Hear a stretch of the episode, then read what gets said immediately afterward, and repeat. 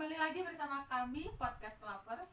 Di sini saya bersama teman saya, partner saya, orang paling barbar dan dipertemukan lagi eh, yang berjudul podcast yang kedua yakni eh, yang kemarin jadikan kenangan. Setiap orang tentunya memiliki kenangan yang berbeda-beda gitu kan. Jadi hadirnya kenangan itu bukan sesuatu hal yang untuk dilupakan gitu, justru untuk direfleksikan karena mau mau nggak mau kenangan itu pasti memiliki nilai yang positif maupun negatif gitu kan dan kenangan itu bisa jadi pembelajaran untuk kita gitu. Dan sebelum kita masuk ke pertanyaan gitu kita sebelumnya akan memperkenalkan diri. Nama saya Juanina Aurita Silvestri Gomez. Biasa dipanggil Gomez saya seorang mahasiswa semester 3 dari Prodi Manajemen STI Gentiaras. Dan di SD Gentiaras. STI Gentiaras. Oh, STY. Aku denger SD tadi soalnya. di sebelah saya. Saya Sisilia Diana Sari Syaragan, biasa dipanggil Sisil. Saya seorang mahasiswa dari Universitas Lampung, tepatnya di Fakultas Keguruan dan Ilmu Pendidikan Program Studi Pendidikan Biologi semester ya ada tiga saya biasa tapi ngelunjak dia Enggak lah. Oke. Oke, langsung masuk ke pertanyaan aja ya. Eh, pertama, kita bisa di sini pasti karena cerita awal kita ketemuan gitu kan. Terus coba sih sharing gitu, Sisil coba sharing soal awal pertama kali ketemu sama aku tuh kenapa, terus bisa, ya cerita. Oke. Awal pertemuan gue dengan dia itu simple sih. Itu karena berawal dari dia nge-DM gue jam satu malam. Dia jam satu malam ya, emang juga pasti on waktu itu on IG gitu kan ya. Dia nge-DM gue tuh kayak gini jawab, kayak gini nanya. Sisil kamu jadi suster. Gila dia orangnya, WA gue malam-malam satu malam, to the point banget lagi nanya Kata gue, iya, kenapa gitu kan? Lu masuk ke sini gitu kan? Gak tau juga kata gue kayak gitu, karena kan posisi gue masih bingung ya. Terus untuk yang kedua, first impression gue pertama kali ketemu dia pas tatap muka langsung. Karena kan pertama kali kan gue ketemu sama dia kan di IG lewat DM ya. Jadi belum kenal mukanya seberapa jelas gimana masih ngawang-ngawang gitu kan. Pertama kali gue ketemu dia gue cuma bilang oh ini namanya Gomez. Kata gue gue cuma kayak gitu doang. Gila kata gue kira pendiam kan? Tapi setelah ternyata gue telusuri lebih dalam wih ini barbar juga nih anaknya kata gue gitu kan sebagai seorang mantan postulan gitu kan jadi Ada, tapi perek, ada. Gitu. Itu sih first impression gue ketemu dia oh ini yang namanya Gomez udah gitu aja gitu gak ada apa-apa lagi gitu. Kalau lo kak gimana? Kalau gua Kalau gue ketemu gue. dia? itu waktu itu gara-gara eh, waktu gue habis balik dari weekend panggilan itu gue sampai dikasih tahu sama beberapa suster bilang gue kamu kenal gak sama si sama Inka? Emang kenapa suster mereka mau jadi suster mau masuk FSGM kata dia. oh lo buka merek nih terus habis itu gue bilang gini kan pas gue cari tahu nih IG lo dari Ando gue tanya lah satu-satu anak Kristina gitu kan. Gue ketemu sama belum gue gue belum ngomong sama Inka sih kalau eh, Inka pengen masuk gitu kan. Gue cuma mau tanya sama lo lo beneran gak sih ini mau masuk FSGM yakin ya orang kayak barbar kayak gue masa iya sih masuk FSGM gitu kan. Habis itu ya udah dari situ dikasih tauin. Terus mulai ketemuan lagi itu pas sering chatan doang sering DM-an juga chatan itu ngajakin ketemuan ke biara lansia suster HK biara induk. Iya biara induk ya. Kan sama induk, suster lansia. Biar lansia kan gitu miring kalau yang induk dituluk nah, lupa bukan kan biara induk sih pokoknya komunitas suster gitu. Yang ngarah di itu loh ngarah ngarah rumah sakit. lembah hijau itu lembah hijau nanti lurus lagi. Gria Nugraha. Ya Gria Nugraha. Ya itu ya maaf ya lupa. Nggak pernah sana lagi sih soalnya. Ya itu waktu itu ketemu sama suster Anita ya. Seranita suster Gracia. Yang sampai nyasar nyasar itu Iya. gitu kan. Sampai suster Gracia itu terheran-heran gitu. Orang bandar Lampung kok nyasar gitu. Aneh juga. Aneh kata Karena- tapi nyata gitu. Ini karena bangunannya baru sih jadi nggak tahu juga satu-satunya rumahnya. Ya biara itu. Oke next kita lanjut aja. Tadi kan kita menyinggung soal panggilan gitu ya. Awal asal mula kita bisa tertarik memasuki sebuah biara itu dari mana sih? Coba Sisil sharing dulu lah. Kalau dia mau ngomongin kalau diingat-ingat sejarah panggilan gue itu lucu gitu ya. Bahkan kalau orang bilang tuh gak masuk akal gitu. Kan atau orang bilang tuh kayak ngigo ngigo setengah sadar gitu kan. Jadi pengen lulus suster itu cuma karena satu. Karena kemarin itu kan masih SMP ya. Gue ngeliat tuh banyak. Iya gue SMP Oh, dari SMP. Gue tuh ngeliat orang tuh pada kuliah gitu kan apalagi gue punya kakak sepupu yang masih kuliah waktu itu. Ribet gitu kan kayak apa sih gitu kalau kuliah gini? Jadi gue bilang kayak gini ah masuk suster kayaknya enak kali ya gak akan disuruh kuliah. Tapi ternyata itu salah kesalahan besar gue gitu kan. Ya justru di suster-suster itulah mereka pendidikan jauh lebih tinggi gitu kan. Ada yang S2 bahkan sampai S3 gitu kan ya. Itu pertama kali gue pengen di situ karena gak mau kuliah yang, kedua karena gue gak ada minat mau mm, berkeluarga. berkeluarga. Seperti itu kayak kayak jauh hidup dengan orang yang lebih keramaian tuh kayaknya lebih seru gitu kan kita saling bertukar pikiran satu sama lain gitu. Itu kayaknya lebih seru kebanding hidup berkeluarga. Bukannya gue nggak mau cuma kayaknya gue lebih tertarik untuk hidup bersama orang-orang lain gitu dan fokus sama gereja dan pelayanannya yang lain kayak gitu. Oh jadi lebih pengen mengabdikan mempersembahkan diri seutuhnya untuk Tuhan yes gitu. Karena gue pengennya buat Tuhan aja apa yang gue punya tuh ya buat Tuhan gitu loh. Tuh Asia kalau lo gimana? Kalau gua karena gua dari SMP SMA itu punyanya suster FSGM saya tinggal gue tinggal sama suster FSGM gitu ya selama berapa tahun? 6 tahun lah ya terus apa ya jadi anaknya SGM berarti ya Iya, anak anak asuhnya anak lah ya asuhnya Nah, terus habis itu eh, karena dulu lulusan SMA Franciscus itu baru pertama kali saya jadi suster gitu kan, pengen jadi suster. Itu dibangga-banggain banget gitu kan, kayak mengapresiasi banget, spesialis banget gitu lah. Pokoknya eh, jadi waktu itu emang murni pengen jadi suster karena emang panggilan dari kecil sih gitu kan. Jadi masuk suster lah.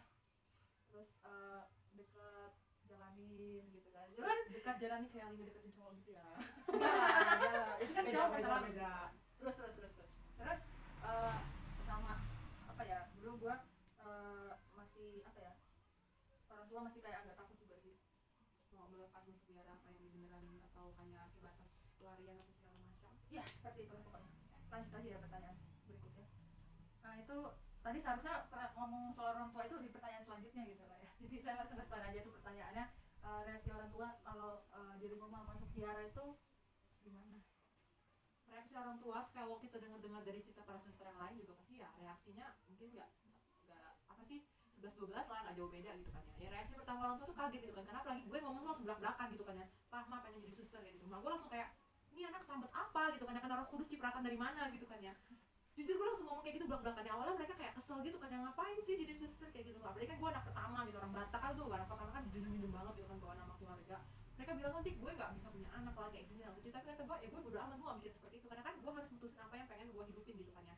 Cita-cita gue gue yang pilih sendiri. Gue gak suka namanya sampai diatur atur sana sini gitu kan ya.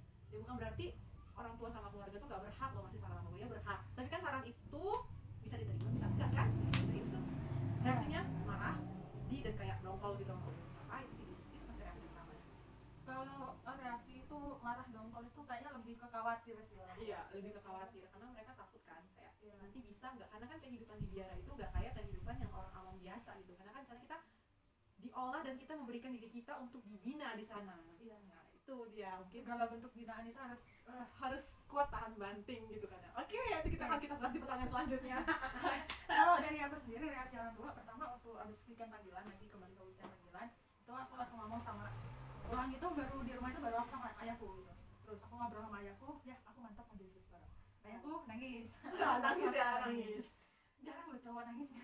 Berarti kalau seorang cowok udah sampai nangis tuh berarti udah kayak aduh perasaannya udah kayak gimana? Ada gitu ya. ada ada kita terus karena waktu terus? Itu belum ibuku belum pulang terus abis aku bilang aku bilang sama ibu bu aku udah ngomong sama ayah kalau aku mau jadi suster. Eh, aku juga mau izin sama ibu kok ini jadi suster gitu. Beneran kamu ibu kan malah nanyain beneran kamu yakin nih masuk suster yakin? Kayak meyakinkan aja gitu. Tapi kalau dari mbakku kurang setuju. Karena kan eh, masih SMA kalau bisa kuliah dulu abis dari kuliah baru bisa lah masuk biara gitu. Setidaknya udah ada pegangan pendidikan. Kalau misalkan susternya nggak jadi kan udah langsung bisa kerja gitu. Nah ya bener tuh. Tapi ya ya begitulah namanya panggilan. Kita nggak bisa nuntut dari harus ngikutin orang tua. Kita jalanin ya udahlah. This is my life gitu. Ini kehidupan kita. Oke Next. kita lanjut pertanyaan berikutnya. Oke gantian gue nanya duluan ke dia oke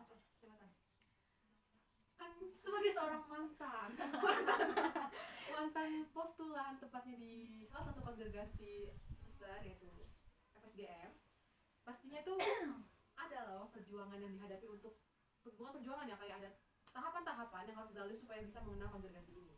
Pertanyaan gue coba sih ceritain kenapa dirimu lebih memilih FSGM dulu? Bukan lebih memilih seperti kayak kenapa memilih FSGM gitu ya unsurnya itu kembali lagi kayak asal mula gua sih. Karena gue udah kenal dari eh, sama FSDM 6 tahun lah ya bisa dibilang ya. 3 tahun SMA 3 tahun dari tahun SMP dari tahun ya SMA tiga tahun SMA ya seperti itulah ya.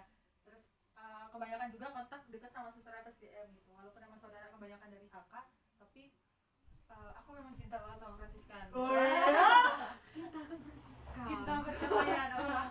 seperti itulah. Pokoknya ya itu kenapa pilih itu yang pertama ada nggak alasan keduanya apalagi kenapa pilih FSGM dulu gua ngefans sama salah satu suster oh ngefans. Ya gue kira ngefans cuma bisa sama artis dong ternyata ngefans sama suster juga lebih gitu ya. Kayaknya lebih enak ya karena lebih akrab juga dulu waktu di asrama kan tiga tahun sama suster Magdita wah tetap merah kaki sama suster Margarita FSGM ya suster saya kangen padamu.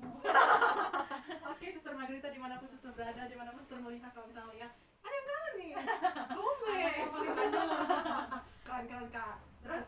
Ya pokoknya beliau itu selalu bilang awas kalau nggak jadi suster saya tunggu mulai ya suster Margita mendukung banget gitu. Suster kita sekarang di mana di Jogja ya? Ya di Jogja sekarang lagi studi. Iya, oke. itu gitu ya itu pokoknya itu mendukung banget gitu oke.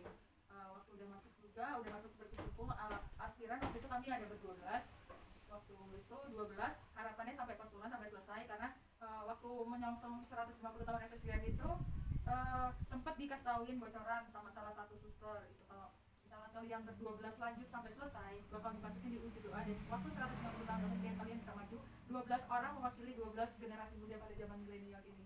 12 apa yang murid. Yesus pada zaman milenial gitu. Itu yang mereka bilang sih waktu itu. Makanya saat itu emang gue belum akrab banget sama mereka terus gue berusaha nyatuin mereka dengan berbagai karakternya masing-masing. Ada yang lebih tua waktu itu. Namanya salah satu ada dari Jakarta. Dia lebih tua daripada kami tapi dia tuh orangnya friendly banget gitu humble banget gitu sama kita kita ya gitu terus dari 12 yang masuk balik lagi untuk ke aspiran itu untuk lanjutin masa pendidikan selama tiga bulan. Kami aspiran itu tiga bulan ya? FSGM itu di asrama Putri Sandara Satu Tiga Prinsip itu bersama suster Hendrika formator aspiran. Itu kami menjalani selama tiga bulan itu ada sembilan orang. Jadi satu kamar aspiran itu benar-benar isinya sembilan orang. Satu kamar? Satu kamar. itu berarti kamarnya gede tuh gimana ceritanya sembilan Iya, orang gitu kan? pernah lah memasuki kamar aspira, kamar-kamar asrama ya. Itu bednya itu kan bed atas bawah ya. Eh, bednya itu bed atas bawah itu satu dua tiga, terus satunya yang bed sendiri, terus ada satu dua tiga lagi. Jadi eh, enam enam sembilan. Dan ya pokoknya seperti itu lah.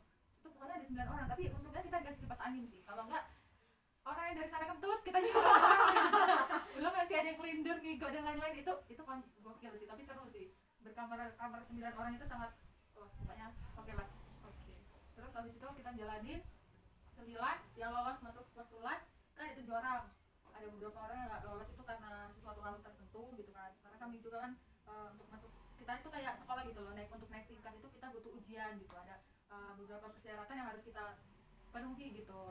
Salah satunya waktu itu yang pernah aku ingat eh, itu ada tes kesehatan ada wawancara terus ada kalau tes kesehatan kayaknya wajib ya di semua Iya, daerah pasti sih. wajib.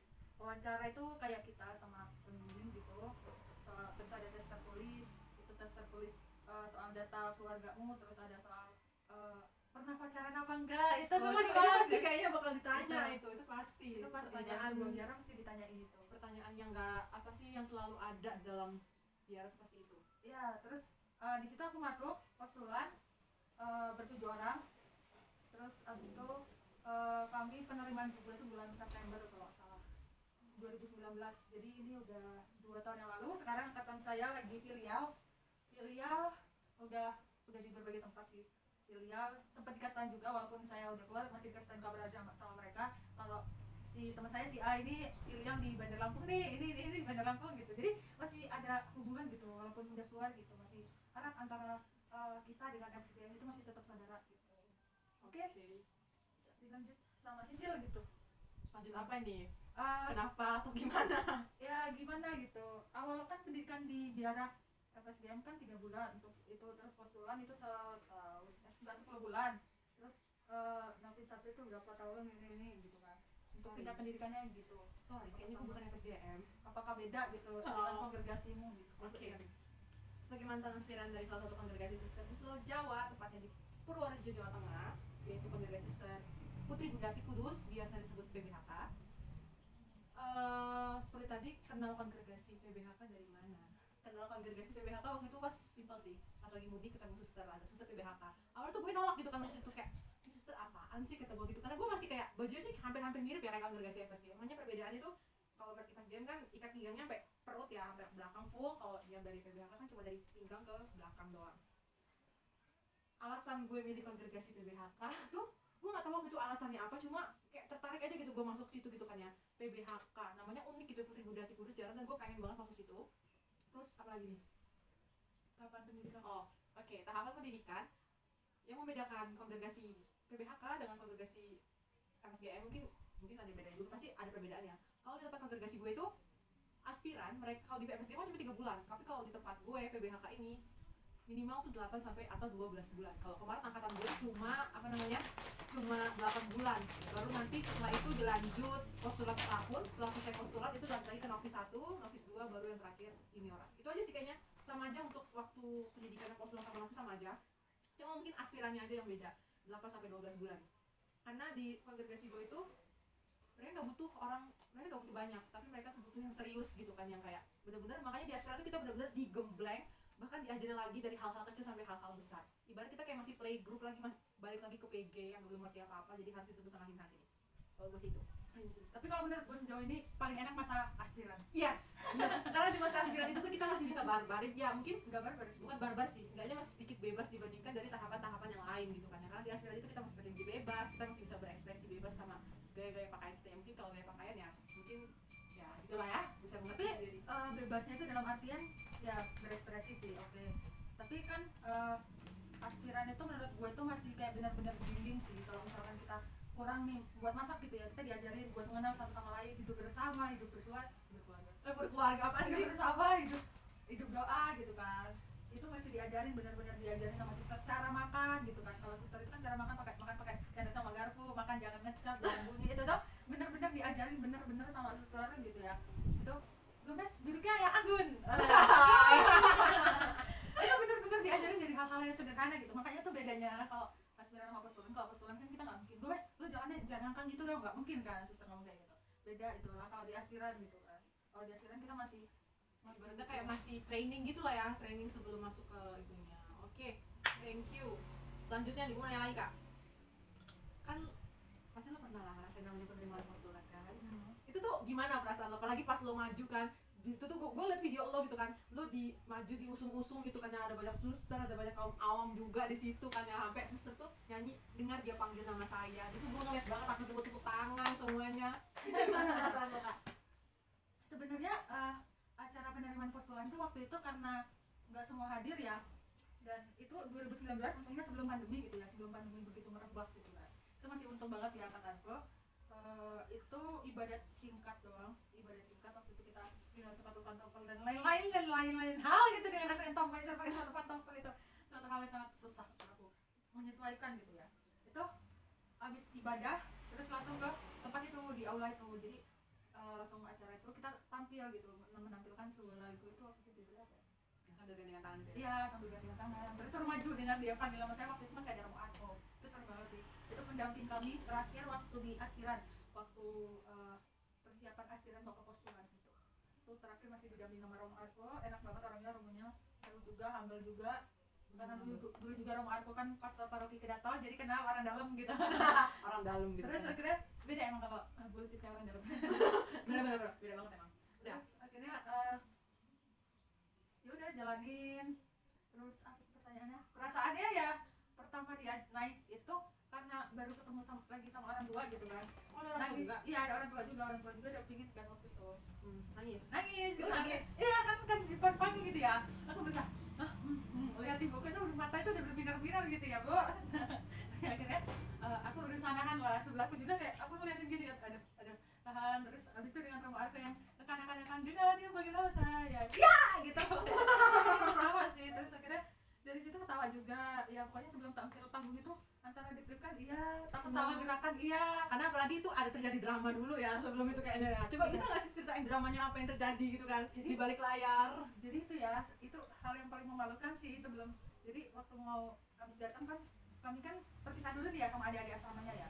Sama adik-adik asramanya salam-salaman dulu pindah tempat gitu kan bawa koper diusung naik, mo- naik mobil sama suster Andika dari asrama doang. Ke suster itu naik mobil coba bener-bener kita tuh VIP banget tamu yang bener uh terus akhirnya langsung ke siap postulan kita ganti baju.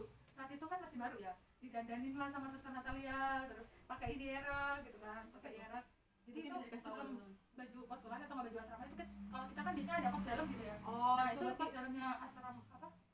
Ya suster-suster oh yang, yang panjang itu bukan sih kayak pakai daster itu. pakai Oh, daster iya, iya, gitu. iya. terus nah pakai itu dulu terus baru pakai jubahnya suster.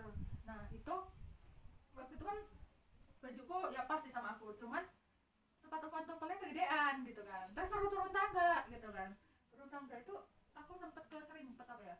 Sebelum turun tangga itu kan foto dulu ya dengan harus anggun gitu. Akhirnya rapetin terus? Gue sangat ah itu harus benar-benar ini sih. Terus akhirnya naik ke atas panggung itu juga waktu mau naik ke atas tangga itu juga sempat keserimpet antara uh, jubahnya sama sepatunya gitu. Jadi udah jatuh gini. Tapi nahan. Eh gue mau bayangin tau kalau sampai keseripet di atas panggung tuh waktu itu gimana? Gue bayangin tahu sumpah. Gue memalukan bayangin. sekali sih jatuhnya tuh kayak kartu do kayak kartu domino gitu jatuh satu langsung jatuh ke depan depannya. Parah sih itu gue gue mau bayangin sih kayak gitu. Itu udah perasaannya? Rasanya ya deg-degan tapi seneng juga. Deg seneng nangis gitu menahan haru gitu kan ya. Iya. dari awalnya kita memakai baju yang kayak ah baju orang apalagi seorang Gomez gitu lulus itu tuh. Wow. Makanya kan suatu kebanggaan tersendiri banget Soalnya kan pengumuman kelulusan itu waktu itu ketemu salah satu sama suster Aquina gitu ya perseorangan ngobrol empat mata. Oh, jadi pas pengumuman kelulusan tuh bener-bener itu? Iya dipanggil gitu satu-satu Gomez masuk kamu sudah bagus perjuangan selama ini gitu. Dan selamat kamu eh, lanjut untuk ke berikutnya. Gitu. oh gila gua suster beneran? Iya. Beneran suster iya. Lu sampai ke bapaknya gak beneran gak suster Enggak lah, jangan lah. ketara banget gue berber ya. Soalnya kan ada beberapa eh, yang gak keterima itu langsung kayak speechless langsung kayak speechless gimana gitu? Ya nah, gimana gitu. Ya udah gitu. Terus yang enggak itu langsung dipulangin gitu sama pulang sama suster ya. Kita langsung siap-siap prepare gitu sempat nangis sih kok nggak bersembilan gitu kan. Ya nggak tahu lah ya namanya panggilan kan kongregasi juga punya ketentuannya masing-masing yang harus di apa sih diikuti gitu yang harus benar-benar punya kriteria untuk masuknya gitu. Jadi ya waktu itu nangis juga karena tapi aku tetap semangatin mereka sih gimana caranya kita tetap bertuju tetap semangat. Gue itu sebagai apa ya agent of change lah. Oh, iya, kayak kayak wak gengnya berarti Iya. ya kayak wak geng banget ya. Jelas waktu itu ada suster Margarita datang sih. Suster Margarita datang pas aku aspiran oh gue harus mesti ketua gengnya kayak gitu. Aduh bahaya. Udah kotor banget buatnya. Ya gitu lah. Gantian mau nanya ke bapak apa? Perasaan lo waktu masuk aspiran? Lo aspiran itu udah berapa lama sih waktu itu gue pulang? Gue kurang lebih aspiran tiga bulan. Di kongregasi gue juga itu ada namanya penerimaan aspiran. Sama juga ibadah sederhana gitu kan ya. kita suruh prepare dulu segala macam. Dan itu tuh kita ada triduum selama tiga hari. Dan selama tiga hari ini gue kayaknya yang paling rendah buat nahan sensi gue kayaknya. Itu itu gue kayaknya kita berdua nih punya kesamaan. Kita sama-sama cerita sebagai mantan seorang biara. Kita paling susah dalam hal menjaga sensi umannya itu kayak susah banget. Mau nahan tuh hanya mm, tertekat gitu kan ya. Gue waktu itu udah berusaha sekuat tenaga mungkin biar jangan gue jangan sampai gue ngomong sama orang gitu kan. Apalagi gue ya karena memang bawaan gue emang orang yang udah cerewet atau gimana jadi susah gitu kan. Bahkan suster formator gue tuh sampai ngomong kamu tuh bisa nggak sih sekali tahan suara kamu tuh? Jangan sampai keras banget sampai sampai ketawa tuh kayak gini. Itu tuh memang benar-benar susah banget karena memang pada dasarnya namanya juga pengolahan diri gitu kan ya kalau untuk perasaan gue pas menerima aspiran tuh ya seneng gitu kan ya walaupun gak bisa disaksiin sama orang tua tapi dikasih tahu sama orang tua kalau udah menerima aspiran gitu kan ya. Itu benar-benar itu tuh ada suster provinsial datang jauh-jauh loh dari Jakarta ke Purworejo. Bayangin kan dari Jakarta ke Purworejo kontak mobil 8 jam gitu kan ya. Udah sekarang dari sini ke Jakarta juga dari Lampung Jakarta. Baru ada ada suster-suster dari dari komunitas dari novisia dari juniorat eh, pokoknya rame banget. Tapi ya gue seneng banget deg-degan karena gue langsung ditunjuk buat lektor di situ. Huh, seneng sih perasaan gue seneng deg-degan sedih karena gak bisa ketemu orang tua itu aja sih. Oke sekarang lanjut ke pertanyaan berikutnya karena ini masih masuk soal tempat ya masih tempat di ruang lingkup. Sekarang kita udah Ya. masuk ke ruang lingkup biaranya Ruang bagaimana kehidupan kita di sana. Dan Eh. stay tune banget ya karena di sini kita bakal buka-bukaan aib apa yang pernah kita lakuin Pokoknya- suka duka apa pun. Ya pokoknya kalian ngambil yang positifnya aja Ambil ya. positifnya Jadi aja. cuma kita sharing doang gitu. Yang jelek dibuang yang positif tetap disimpan. Disimpan dalam hati. Eh, pertanyaannya itu eh, kalau misalkan di FSGM itu kan ruang lingkup untuk yang kayak eh, rumah provin eh, rumah pusat untuk kongregasi FSGM yang ada di Indonesia itu kan di Pringsewu itu ada eh, lengkap lah pokoknya ada rumah biara provinsiala terus ada postulan novisiat ada rumah lansia pokoknya itu jadi satu ya jadi satu. Nah kalau untuk di kongregasi kamu sendiri itu apakah jadi satu tempat? Apakah berbeda? Jika berbeda itu jaraknya berapa jauh berapa kilometer atau seperti apa? Oke, kalau di kongregasi gue waktu itu kongregasi Rumah antara tempat pembinaan aspiran, postulat, novis, junior dan komunitas suster itu terpisah. Jadi di tempat gue kemarin tuh kan di Purworejo Jawa Tengah. Jadi di tempat gue itu tuh kita tuh masih satu komplek, cuma beda rumah. Dan jarak dari antara satu ke yang lain itu cukup jauh gitu kan. Kalau di tempat gue tuh cuma ada empat komunitas aspiran, tempat pembinaan aspiran, novis, juniorat tahun pertama, baru komunitas susteran Purworejo. Jadi masih satu komplek cuma pada beda rumah gitu dan kalau dari tempat gue ke tempat suster itu masih agak dekat karena kita cuma ibarat cuma samping-sampingan banget lima langkah aja sampai ke sana gitu. Tapi kalau untuk ke novis sama ke juniorat kita harus melewatin orang susterannya atau lewat samping. Kalau ke juniorat juga kita harus melewati susterannya kayak gitu. Kalau untuk provinsialat di kongregasi PPHK eh, rumah provinsialat itu terletak di Jakarta tepatnya di Kramat. Di situlah rumah provinsialat. Lalu untuk tempat pembinaan postulat atau rumah postulat itu ada di Yogyakarta. Di Yogyakarta itu juga selain tempat pembinaan di situ juga lah komunitas suster-suster yang ada di Yogyakarta atau suster-suster yang dalam dalam masa studinya jadi jauh-jauh ya guys Jauh-jauh terpisah terpisah kita. Dulu tempat aspiran itu pembinaannya gue pernah ceritain sama satu susternya itu di Jakarta tapi sejak tahun berapa tuh dipindah pokoknya dalam pokoknya zaman zaman gue masih SMP kayaknya udah dipindah ke Purworejo sana. Hmm, sangat jauh ya jauh banget kalau sekarang kan kalau misalkan doa doa berarti di situ pos- posisi aspiran sendiri ya Hmm. Pokoknya kita tuh punya rumah tangga masing-masing di sana. Beda banget kalau kan di FSG kan kalau misalnya berdoa, di situ novis berdoa, di situlah postulan berdoa kan. Hmm, Tapi kalau kita enggak, kita punya rumah tangga dan rumah masing-masing. Jadi apa ya rumah kita tuh masing-masing tuh punya gede gitu loh tempat gua kan. Pokoknya kalau mau doa, aspiran sendiri ya ada ada peraturan rumahnya sendiri-sendiri gitu nggak perlu ngurusin rumah tangga yang lain kecuali kalau memang ada urusannya ke situ. Dan kita juga nggak sembarangan masuk ke tempatnya rumah-rumah yang lain kayak misalnya rumah novis, susterannya sama juniorannya. Kalau memang suster gak suruh, ya nggak usah. Apalagi kalau kita sampai bicara sama suster-suster formatornya, dan suster formator novis atau junioran. Kalau selain kita nggak punya izin, nggak dikasih izin dari suster formator kita, itu nggak boleh. Hmm. Mereka sama aja kayaknya.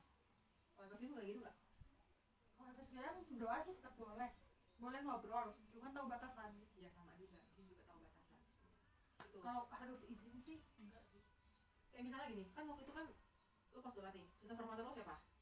adalah Adalah suster itu. Misalnya lo mau ngomong sama suster formator dari novis, ya, lu harus, lu tapi lu harus izin dulu kan sama suster formator lo yang dari ini. Heeh. enggak lah. Nggak misalnya lu kayak mau curhat gitu sama suster harus izin dulu kan pas sama suster formator lo sendiri. Enggak lah. Setahu gue ya soalnya kan? Kita tuh kan pasti ada pendidikan juga ya. Hmm. pendidikan postulan tuh pendidikan bareng sama suster. Ada suster novisnya juga ada suster postulan ada suster dari lavernanya ada suster dari mana aja ya udah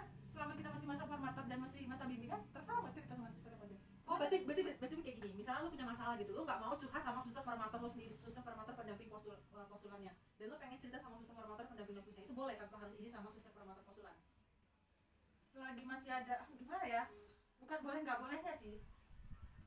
Pokoknya misalkan kalau misalkan kita lagi pelajarannya suster siapa gitu dengan suster formator yang postulannya lagi sama suster siapa suruh sharing ya udah sharing gitu. Kan kita nggak mungkin keluar dari pelajaran yang terus izin dulu kan. Ya udah sharing aja gitu. Nanti suster ini bakal ngomong oh ternyata gua masih tuh gini gini gini kurangnya gini mereka tetap ada komunikasi gitu. sama aja kayak gue sama aja sih. Iya. ya mungkin teman-teman itulah yang poin pertama yang bisa kita jelasin yang soal rumah rumah tempat ininya baru antara suster formator kita di sini nggak sebut merek susternya siapa. Pokoknya nanti ya kita tetap bilang suster formator ini ini tapi kita nggak selalu sebut brand ambassadornya siapa. Seperti itu. Brand pokoknya eh, kita bukan mempermasalahkan boleh nggak bolehnya kita curhat ya. Hmm. pokoknya ini lebih ke lebih ke ya setiap orang pasti punya privasi masing-masing. Kita hanya sharing yang menurut kita tuh ya udah ya udah ini kan. Oke kita lanjut ke pertanyaan selanjutnya. Ini gue yang nanya. Terserah lo. Oke gue nanya dulu nama lo. Pasti dalam hidup membiara kita kan punya teman angkatan nih ya pasti. Ada nggak nih temen lo yang suka banget ngajak lo gelut atau yang ngeselin banget tingkahnya? Ngeselin tingkatnya atau ngajak gelut sih nggak ada sih. Soalnya eh, mereka marah-marahan kebanyakan kalau di angkatan kita itu diem dieman jadi karena angkatan kita orangnya tahu orangnya baperan jadi kita nggak langsung ngomong ih tuh gini loh lu gini gini gini. Itu gini gini nggak kita orang kayak gitu. Karena kita orang sebelum ngomong kita orang mikir dulu. Karena sebelum di postulan kita orang kan tiga bulan di aspiran gitu. Jadi kita tahu lah oh orangnya kayak gini tuh waktu dia gini dia oh gini gini gini gitu. Kita udah paham kan. Jadi kita belajar dari situ. Emang salahnya kita kalau marah itu seharusnya jadi dieman itu salah besar sih. Iya memang. Seharusnya ngomong. Cuman orang ini baperan gitu kan. Jadi kita juga bingung gitu kan harus ngomong dari mana gitu biar mereka biar mereka tuh gak eh, sakit hati gitu. Jadi eh, ya pokoknya kalau dulu nggak ada sih. Soalnya kan eh, kita aku termasuk aku aku orangnya suka mencari suasana gitu. Jadi kalau misalkan mereka orang tegang aku ceritalah hal-hal yang membuat mereka tuh bisa ketawa lagi. Berarti fine-fine aja lah. Main-main aja lo ya selama di gitu kan nggak ada permasalahan karena memang lu jadi penengah di antara mereka berarti Iya, kan tujuh orang tuh ya. Gue pernah nggak memang benar-benar penengah antara eh, tiga orang sama tiga orang. Jadi gue penengah. geng ya istilahnya kok geng ya tiga geng tiga. Karena gimana ya? Angkatan kita itu kadang waktu awal-awal memang ke mana-mana bertiga bertiga. Tapi kalau dilihat dari luar, mereka memandang kita tuh kompak. Gitu. Padahal beda di dalamnya. Oh, itulah. Itu spoiler aja ya. Jangan menilai angkatan kita tuh ngegeng ya. Jangan, jangan. I know what you mean aku tahu Ya, maksudnya oke kalau gue pribadi. Sebelumnya gue minta maaf untuk teman-teman gue nanti kalau suatu hari kalian menonton ini pun kalian menonton. Ya kalau misalnya kesel sama teman seangkatan tuh ya pernah. Bahkan keselnya bukan buat gue marah lagi bahkan sampai gue nangis. Pokoknya kalau gue lagi kesel sama marah ma kesel sakit buat sakit hati kayak marah sama orang kalau gue udah sampai nangis berarti gue udah bener-bener gak kuat lagi. Pernah lah ya waktu itu kayak ya adalah something gitu kan ya. Karena gue kan gue tipikal orang kalau marah juga orangnya nyeplos ya. Karena kan gue emang udah berapa kali dibilangin gitu kan sama gue sama teman-teman gue yang lain. Termasuk lo juga lo ngomong. Kalau ngomong tuh nggak semua orang bisa nerima ceplosan yang apa yang kita ngomong. Karena kan gue termasuk orang juga kalau ngomong gini guys dia tuh orang Batak.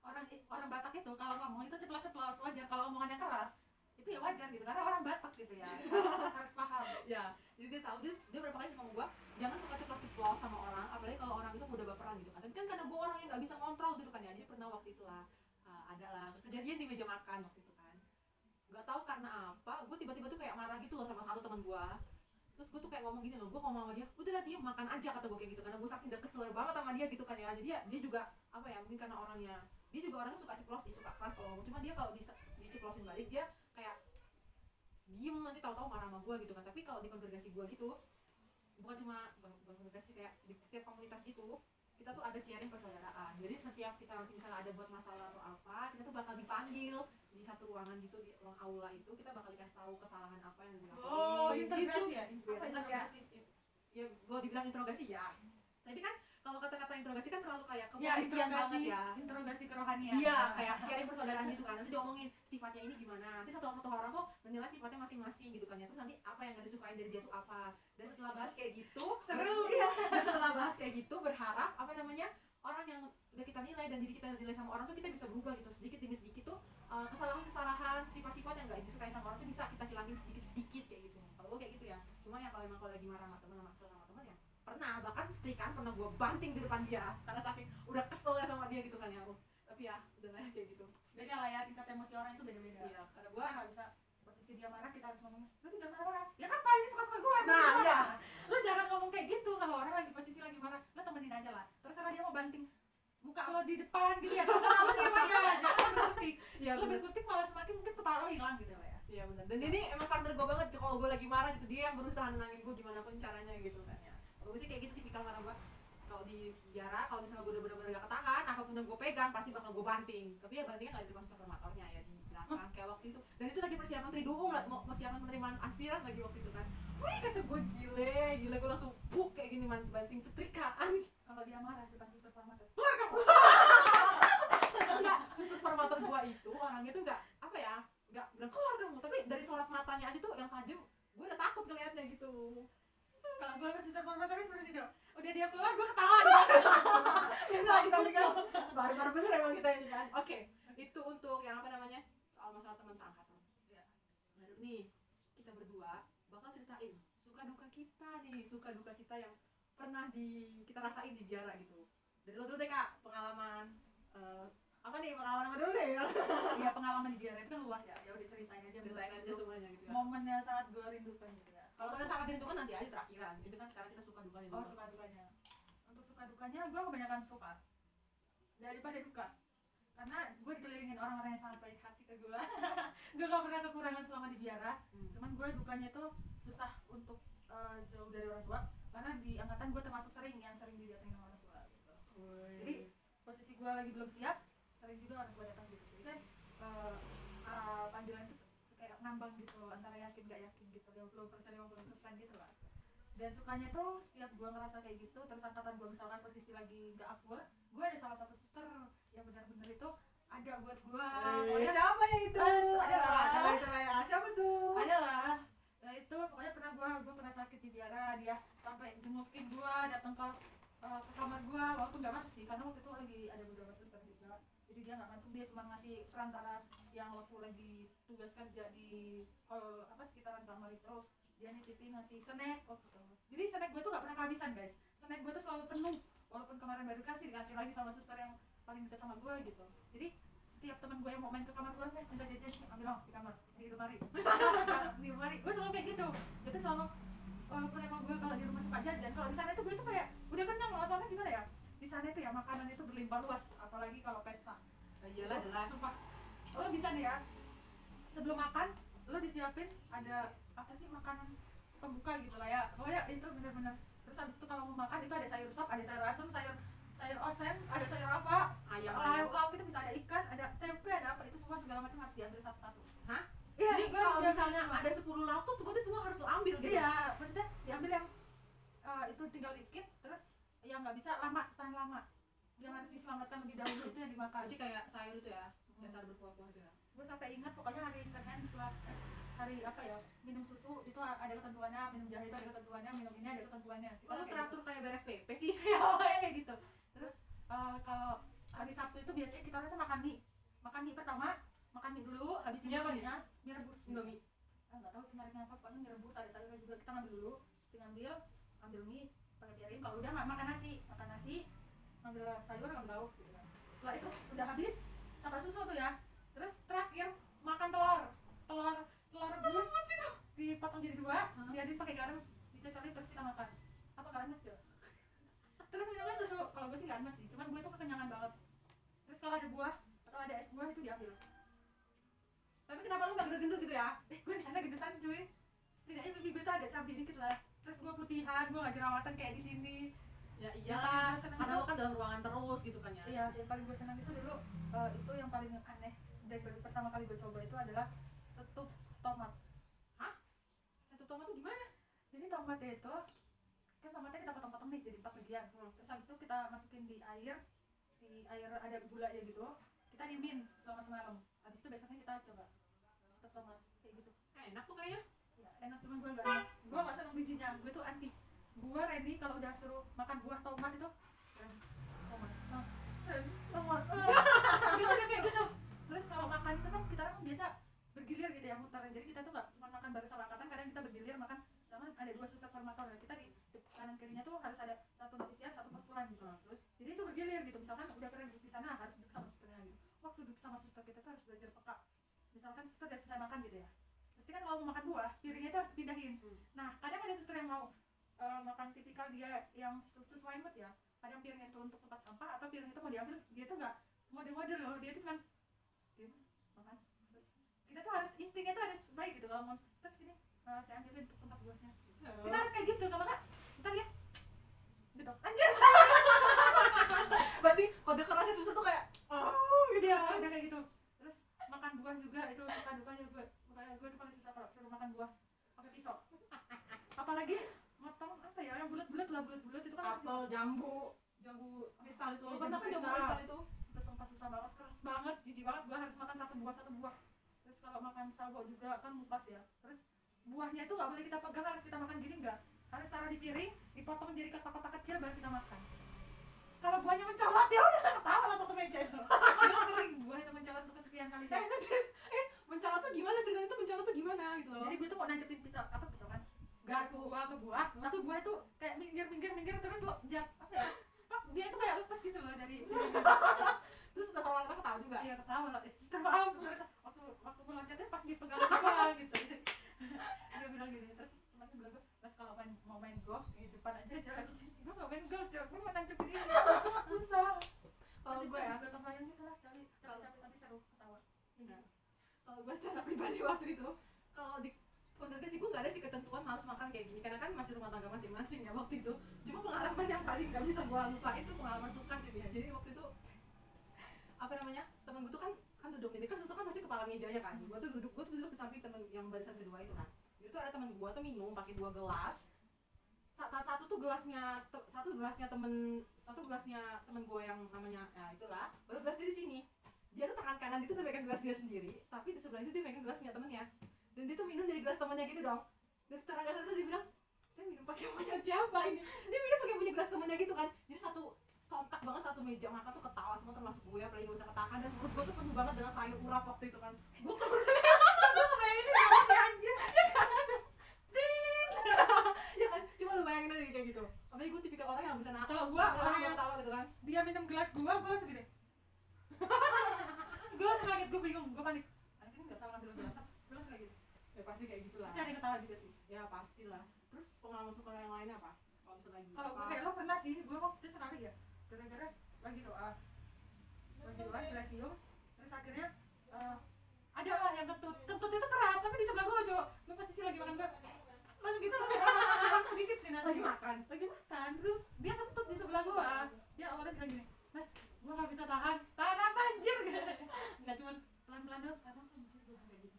Walaupun gitu kedengaran mas ya sama motor tapi ya udahlah. Lah apa anjir? Anjir? Lu jangan tuh. Ini silensinya gue bilang kayak gitu kan. Pelan pelan dong harus gue ngomong berapa tapi kan kedengeran lah ya.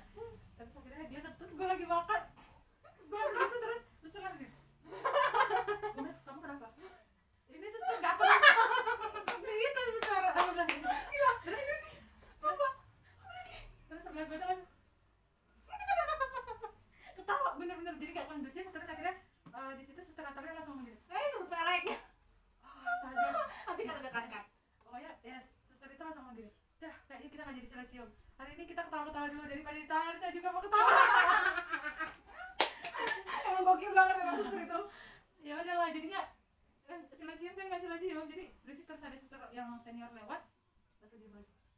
Maksudnya bukan silensium semi silensium gitu kan semi silensium gitu kayak retet retet angin itu masih bisa ketawa tapi kayak cuman ini posisinya lagi silensium itu dalam rangka apa silensium? Eh, pesta acara pesta apa gitu waktu FSBF apa apa gitu. Lu orang ini. Nah oke pengalaman suka gue sih jarang ya cuma pengalaman suka tuh ya paling kalau sama yang di gue ya di PBHK tuh kayak paling kayak kumpul bareng suster-suster apa suster-suster novis atau junior jadi waktu itu gue inget banget momen gue pas lagi penerimaan aspiran itu tuh kan selesai penerimaan itu kan kita pada beres-beres tuh piring-piring sama piring snack yang udah kita pakai buat makan itu kan. Jadi pada cuci semua dan gue tuh mau gue tuh pergi ke belakang pintu dapur itu gue ketemu sama gue disamperin sama suster novis satunya adalah suster. Dan yang termasuk deket sama gue juga. Dan dia tuh kayak ngelirik-lirik dulu kan dilihat dilihat gak ada suster formatornya. Terus dia langsung kongres ya tetap semangat provinsi dan dia tuh nendang pantat gue sampai kaki langsung kayak tuh kayak gini. Semangat ya kata gue gila ini suster lo nendang kaki gue nendang pantat gue kayak semangat ya. Nah, kata gue gue mau nendang balik gak berani tuh. Gue cuma kayak gebuk pantatnya doang kan ya makasih ya bro gue ngomong kayak gitu. Karena kan di tempat gue itu dilarang banget pakai kata-kata guys bro tuh karena nggak bisa ya. Karena kan kita kan formal ya jadi harus pakai kayak teman-teman atau siapa para suster kayak gitu. Karena tuh paling dilarang banget pakai kata-kata guys bro guys bro guys bro. Nah, ya gimana? ya? Itu Jawa ya lingkup Jawa ya. Kalau lingkup Lampung kan ya gue sebenarnya harus tahu etik juga sih. Cuman kan pribadi orang dengan karakternya dari kota itu kan susah juga sih ya kan apalagi dari antara kan gue ini berendam waktu itu ya dari antara gue tuh cuma gue sendiri yang bukan sombong ya. Anak kota yang lainnya tuh kan dari ada tiga orang tiga orang dari dari Papua sama Maluku juga tiga Papua satu Maluku satunya lagi dari Sulawesi. Cuma kan dan orang berlima ini udah terbiasa sama ruang lingkupnya susteran PBHK gitu kan. Sedangkan gue baru masuk dan cuma kenal susteran CB HK sama FSGM kan jadi kan kayak kaget gitu kan kebanting banget ketemu dia orang. Tuh belum pas waktunya ketika lu pulang gitu Iya, oke. Kesannya untuk suster formatorku dulu sebagai pendamping aspiranku. Ini cuma buat suster formator gue aja kan, buat suster formator yang lain.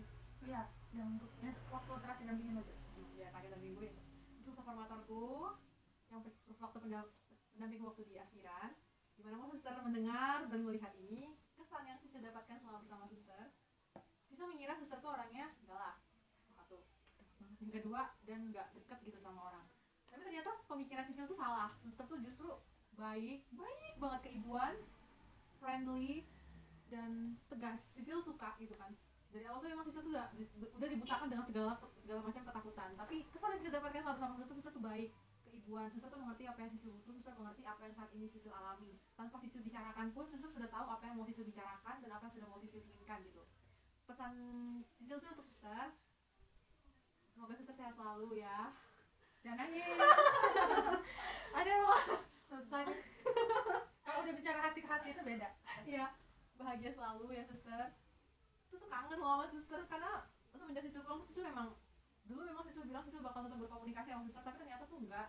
Suster mulai lost kontak karena memang sibuk untuk ngurusin mulai persiapan kuliah dan pengendapan diri. Tapi pesan suster untuk suster, suster selalu bahagia ya. Jangan stres dan tetap jadi suster formator yang selama ini suster kenal. Suster formator yang baik, yang ceria, yang tegas dan bersifat keibuan. Itu aja sih. Gila gue pintar pidato juga ya? Lanjut. Kalau lo nih kak Sebagai mantan postulan FSGM gini ya Dan Ada gak sih eh, Kesan-pesan yang pengen lo sampaikan sama supermator Tapi gak sempet keungkap waktu mau pulang? Oke kalau dari saya singkat sih singkat padat dan jelas aja ya. Karena masih banyak pertanyaan yang harus kita jawab. Eh, kalau dari aku pesan eh pesan pesannya seru. Eh, suster formator kayak bukan suster formator lebih ke temen lebih ke ibu Mama lebih ya. ke ya pokoknya eh, juga orangnya nggak tegang-tegang amat seru juga. Maksudnya humble friendly banget pokoknya. Seru ya eh, serunya itu selalu ada gitu. Setiap eh, tugas eh, disuruh diminta tolong apa gitu itu selalu ada. Hal yang membuat aku itu ketawa nggak tahu kenapa. Pokoknya ada aja tingkah kelucuan antara ketika kita waktu senam atau nggak di kebun belakang tuh ya kita nanam nyangkol nyangkol Ah, diingat ya berarti ya. Siapa pun suster formator Kak Gomez nih. Iya. Suster itu pokoknya. Itu ya. Itulah ya. Terus? Itu pokoknya seru. Pesannya eh, suster semoga sehat terus. Eh, jangan terlalu beban memikirkan kami yang postulan apa novis yang ya susah diatur lah. Memang beginilah kami dari karakternya kami masing-masing. Memang harus dibentuk gitu kan memang lagi proses pembentukan diri untuk jadi bejana yang begitu wah siap gitu. Eh, terus eh, tetap eh, senyum terus. Ya pokoknya suster itu kalau udah senyum itu lucu. Lucu pokoknya aku ya aku sebagai gomes aku minta maaf karena susah untuk men- mengontrol diri terutama sering ketawa nggak cengengis ya pokoknya kayak gitulah. Ya ingat eh, baiknya gomes yang menurut suster baik aja. Ya sekarang gomes sudah cukup Eh, kalau suster pengen cari saya suster bisa datang ke kampus saya. Iya iya iya. Coba tunjukin. Ah di Gentiara suster ini. Di Tiara sih. Saya menjabat sebagai orang. Saya masih ini suster masih belajar. Waktu itu kan saya postungan juga pasti. Sekarang saya sudah menjalani berjanji pada diri saya saya bakal aktif dan puji Tuhan saya terpilih dan di uh, didukung sama teman-teman buat jadi ketua umum sebuah KF Caritas jadi sesuai yang aku suka juga suka nulis Aja oke. Oke lanjut. Kita lanjut ya. Ini dia nih. Aib apa sih yang pernah kita buat di biara? Atau aib yang kadang buat suster itu sampai marah sampai kesel gitu sama kita karena saking tuh sikap kita tuh yang itu tuh aja kesalahan kita itu tuh aja. Apa nih? Dari gua dulu apa dari lo nih? Kalau dulu dong. Dari gua ya? Uh, ngakak ya? Eh, momen aib ngakak lucu dan nggak bisa dilupain gitu. Kalau gue kebanyakan pas adorasi. Adorasi itu kan kalau kita orang kan adorasi bareng sama adik-adiknya ya? Nah, waktu adorasi bareng sama adik-adiknya itu kan susah mereka buat nahan eh, nahan untuk nggak ngantuk itu tuh susah banget.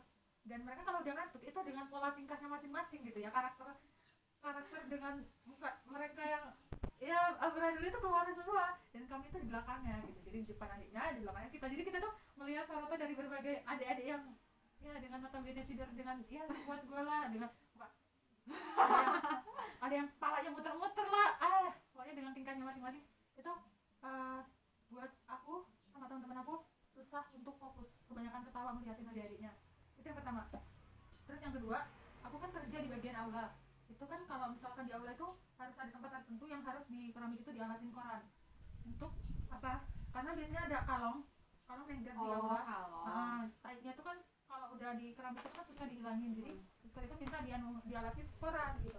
Waktu itu sempet lupa untuk kesekian kalinya udah diingetin kesekian, kalinya tapi lupa terus. Sampai suster Natalia tuh eh tit astaga. Sampai suster dia sama suster saking kangennya nih dia sampai suster itu ini apa ngomong bu saya sudah bilang untuk kesekian kalinya kalau malam sebelum tidur alasin ini pakai koran. Eh, iya suster iya. Iya iya iya. Dia tuh greget pengen marah tapi nggak bisa karena aku itu orangnya eh, kalau dimarah aku ketawa gitu. Jadi orang itu nggak bisa buat serius sama aku gitu. Ya gitu lah. Terus yang ketiga waktu berakhir pas aspiran pas aspiran itu kalau misalkan berakhir salah nada nadanya kurang nggak pas atau lain-lain atau kentut atau seperti apa itu kita orangnya tuh uh, tuman gitu ya. Jadi kalau misalkan satu nggak fokus terus nunduk otomatis suaranya kan itu kan dibagi dua ya kita kalau dua dibagi dua. Iya, bagi dua. Kanan kiri itu. kalau suara ini misalkan masih ada Nia Pria yang masih bisa ini ini terus ada suara aku ada siapa? Dewi gitu. Kalau bisa tahan ketawa it's okay gitu. Pernah waktu itu bener-bener nggak bisa terkondi- terkondisikan? Emang gak ada suster sih yang dampingin ya? Posisi kita doa sendiri gitu. Doa baru pembukaan ada yang ngentut. Mia balus terus baru ngangkat nada nggak sesuai kita orang ketawa. Dim. Tapi ketawanya kayak ada suster masuk kayak gerak-gerak gitu langsung doa lagi. Tapi nggak bisa fokus lagi karena udah doanya ketawa gitu selesai doa suster langsung menginterogasi gini kalian tuh kenapa doa ketawa terus iya suster namanya godaan terbesar ya ketawa Kayaknya emang godaan terbesar kalau lagi ketawa tuh emang apa lagi doa tuh pasti ketawa ya, pasti ketawa tuh aduh. Apalagi udah bisa satu, itu. satu frekuensi sih udah susah gitu ya itulah pokoknya momennya Momen. Oke. masih banyak sih sebenarnya tapi ya, itu paling utama Kalau gue momen yang nggak bisa dilupain, nggak bisa dilupain ya, entah itu momen yang seru, lucu itu jadi pernah ini pengalaman. Jadi di, di komunitas gue waktu itu pernah sekring air tuh rusak, gosong tak apa. Jadi kita selama sebulan tuh harus nyangkut-nyangkut air sebelum mandi. Dan jarak kamar ke depan tempat keran itu cukup jauh gitu kan ya, dan harus digeret pakai meja yang ada dorongannya itu. Jadi pernah, itu kan kalau di komunitas gue ada jadwal setiap hari Jumat itu adalah hari kerja bakti, jadi kita nggak istirahat jadi gue setelah dikasih tugas bersihin geregekan dulu tempat-tempat bunga itu gue disuruh eh, nyikat paving tuh nyikat paving yang ada lumutnya itu biar jangan licin karena udah karena udah berapa korban jatuh di situ waktu itu. Terus nyikat itu hujan turun dan bener-bener kayak oh kita semua tuh langsung lari ke kamar mandi masing-masing buat ngambil nampung air hujan buat dipakai mandi. Ya lanjut. Oh aja ini ya. Karena mandi pakai air hujan tuh bisa gitu kan karena gue seumur umur di rumah tuh gak pernah namanya mandi pakai air hujan. Tapi karena teman-teman gue dari desa semua gitu kan ya jadi kan udah biasa. Jadi mau nggak mau gue harus ikutin kebiasaan di orang juga gitu kan ya jadi serempak kita semua tutup pintunya tutup sayangku apa apa oke lanjut. Maaf ada kesalahan teknis ini gak apa belum bagus kok kalau jadi waktu itu langsung ngeluarin ember-ember semua. Karena di sana tuh kita orang gak ada ngomong pakai ember. Kita ngomongnya loyang. Loyang. Jadi kan kayak yaudah deh gue mengalah aja mandi orang kan loyang-loyang semua dikeluarin loyang-loyang buat mandi itu. Dan otomatis lucu nggak sih kok namanya lo ya ya makanya itu kan. ya makanya itu kan. Jadi karena kamar gue jadi deket kapel waktu itu jadi gue mau nggak mau gue harus nampung air di depan kapel tuh kan kayak ada turunan pipa air gitu kan. Gue nampung di situ Nah, otomatis baju baju pasti pada basah semua kan. Gue khawatir kalau suster tuh bakal marahin gue karena baju gue pada basah. Ternyata teman-teman gue ada yang lebih basah lagi dong. Temen gue dari Papua kayak kalian semua pasti pada tahu lah gimana rambutnya orang-orang Papua itu kan. Waterproof maaf ya.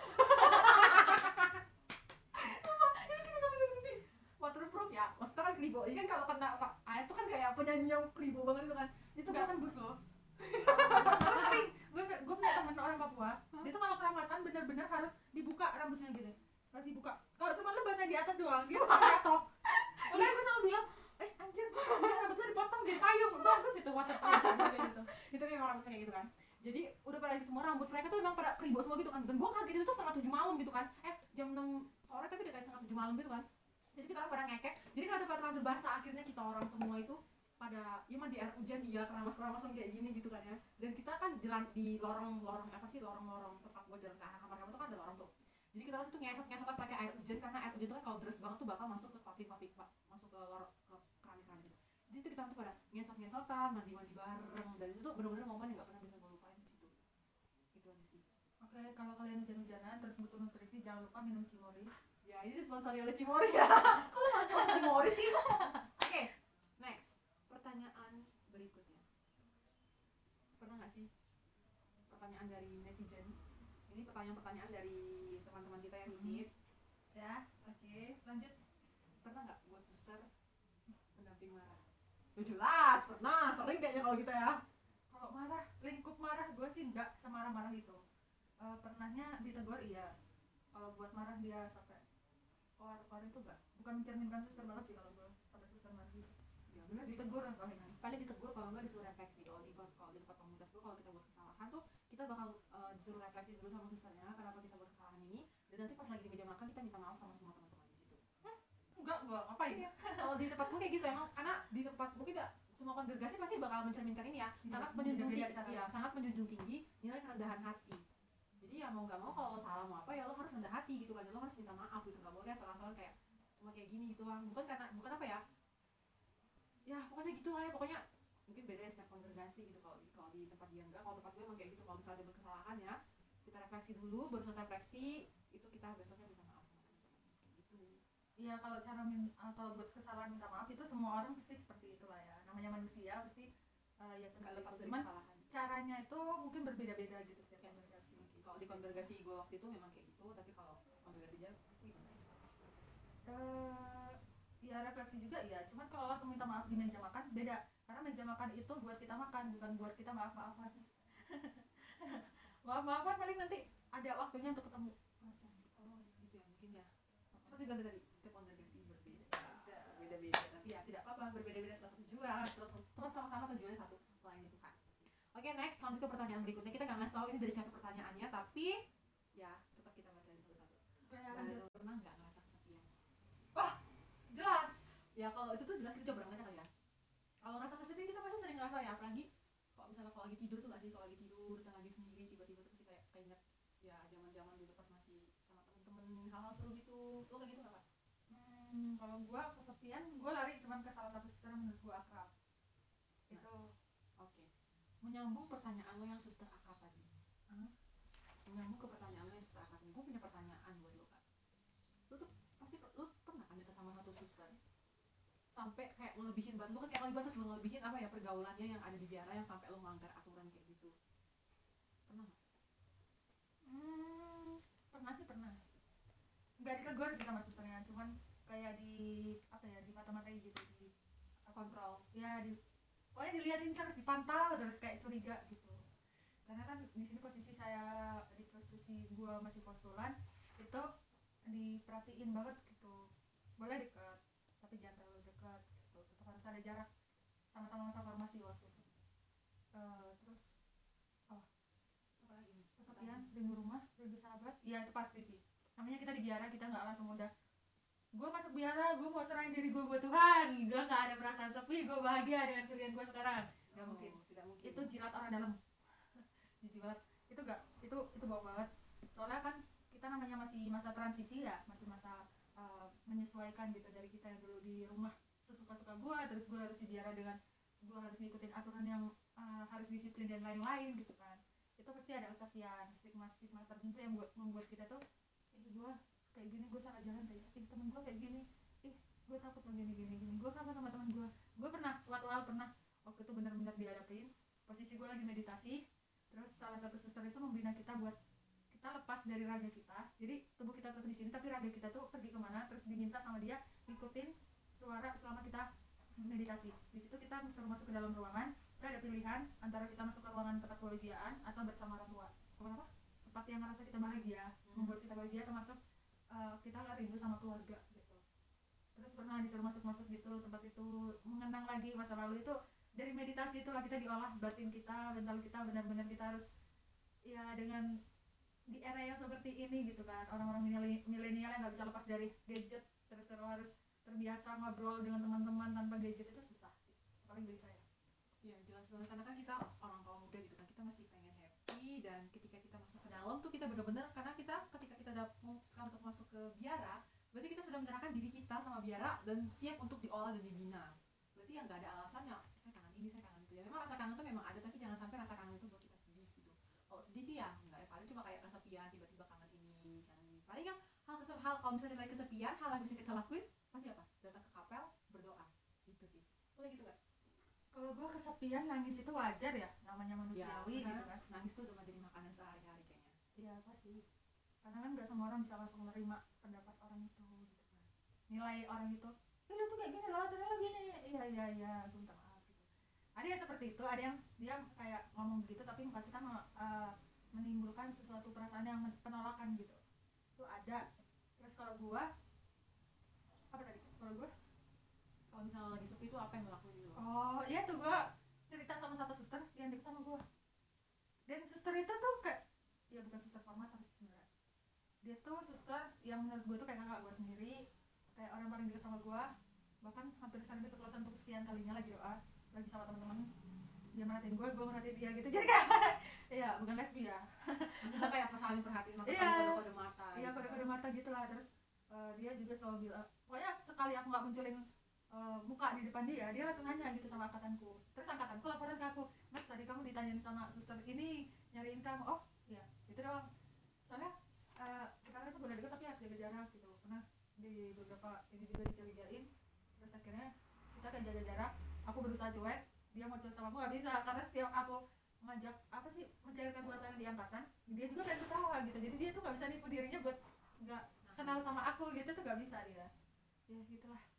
Kisah-kisah Itu kisah berlanjut ke pertanyaannya. Ini pertanyaannya cukup gokil. Dan Oke. bisa dibilang kayak ini juga bisa termasuk membuka aib kita juga yang selama kita lakukan di sana. Oke siap. Apakah itu pertanyaannya? Pernah nggak rusakin barang di biaran padahal udah dibilangin sama susternya hati-hati tapi justru karena keteledoran kita buat kesalahan dan berusaha sebisa mungkin untuk menahan. Jangan sampai suster tahu tuh. Pernah nggak? Merusakin barang ya. Gak pernah sih entah apa pun itu entah mecahin kaca entah mecahin inilah. Mecahin kaca juga nggak pernah. Sebrutal brutalnya aku ya sepecicilannya aku tuh nggak pernah sampai nge- nge- ngerusakin barang sih. Paling cuman kayak dia tuh kan ada engselnya gitu ya hampir jatuh itu pernah. Cuman kalau jatuh sampai pecah itu nggak pernah sih. Bilang kalau gue Pernah. susah diatur gue. Kalau gue pernah.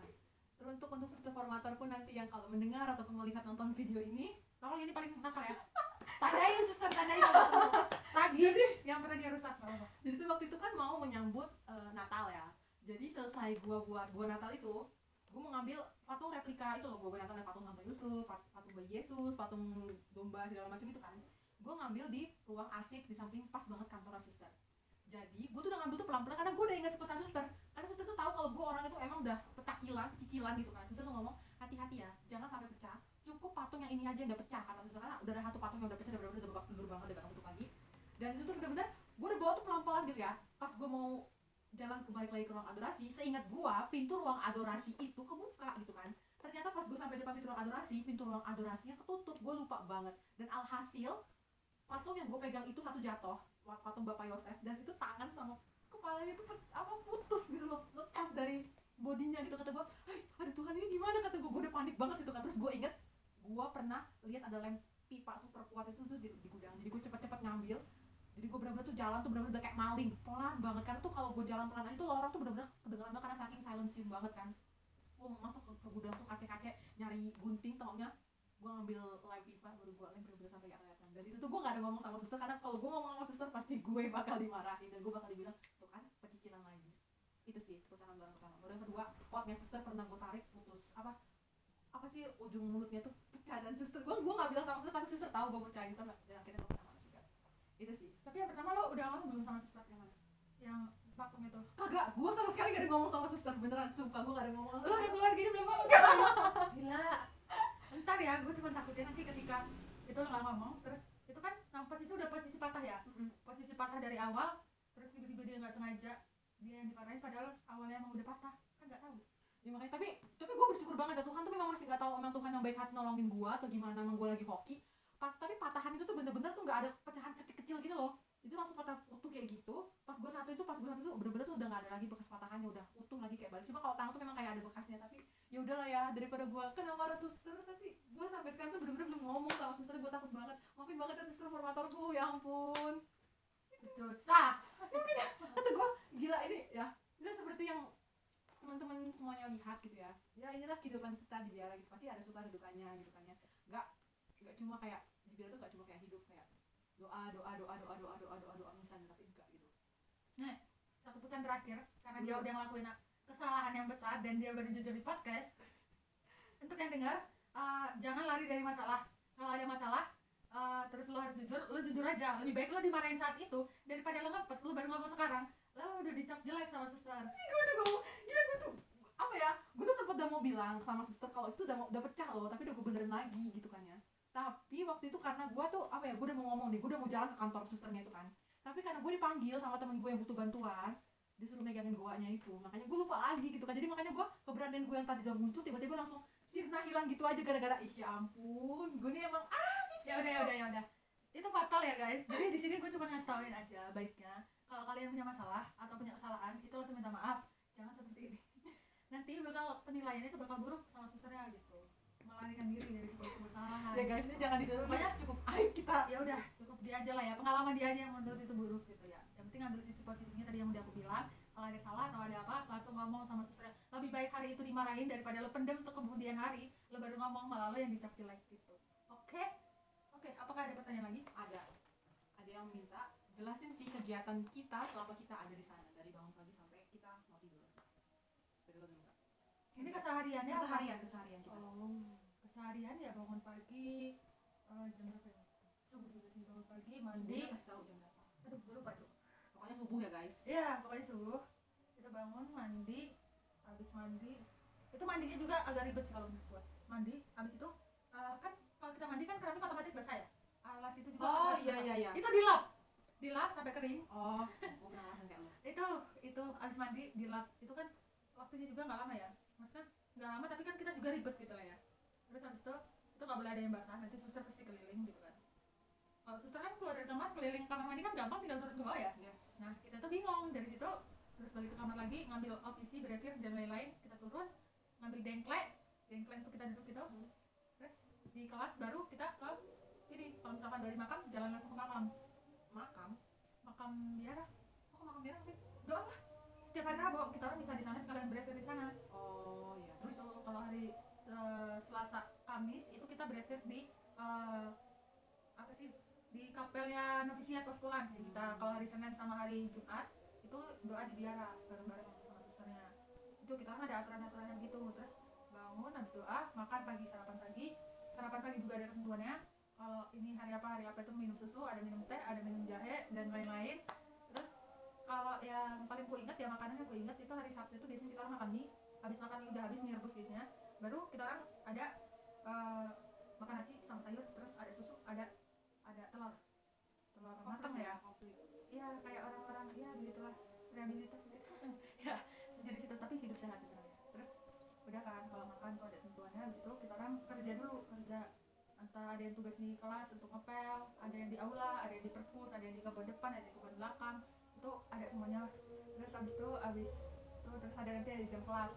Jam kelas itu biasanya pagi pagi jam 9 sampai eh jam pokoknya cuma sejam. Terus habis itu kita langsung snack tapi kalau misalkan di jili pasca atau lagi jili duum itu biasanya kita orang ada snack gak ada snack jadi puasa puasa benar-benar puasa itu lapar banget kalau nggak ada snack makannya memang benar-benar banyak sih ketika nggak ada snack ah itu snack. Ya snack habis snack kita langsung lanjut belajar lagi. Habis belajar terus eh, doa. Habis doa siang makan lagi. Habis makan tidur. Tapi aku gak tidur. Lagi gak tidur aku ke ruang ke ruang ke ruang kelas dulu. Tapi emang kadang suster keliling sih mana orang yang belum tidur yang udah di kamar itu kan ketara kan? Karena kan jendelanya pasti dibuka yang udah tidur siapa.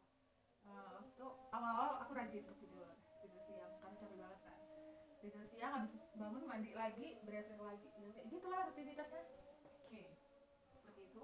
Kalau rutinitas tempatku sama aja sih 11 12 cuma perbedaannya.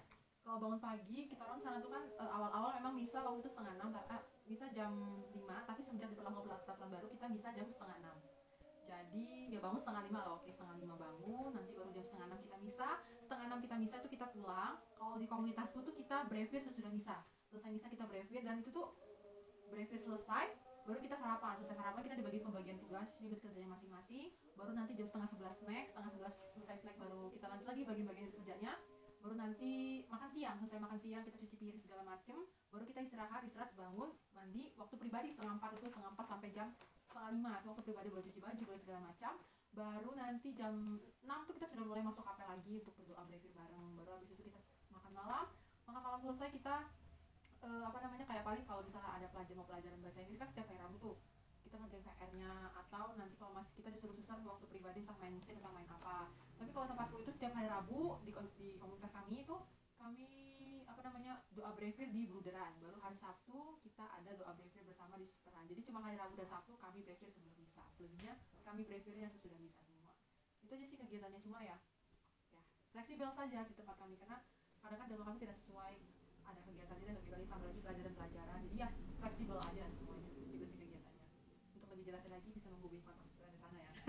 Kita hanya pernah mengalami. Buat yang bingung doa brevier itu apa? Mungkin teman-teman pernah nanya. Brevier itu dua harian ya? Dua harian ada buku doa khususnya sih tebelnya itu ada. Di puji syukur halaman 200 berapa ya? 11 ya? mungkin 211 ya. Doa brevier itu tuh terdiri dari kidung ya ada kidung apa ada pokoknya ada ada itu antipod, ada ibadat pagi ibadat siang sama ibadat malam.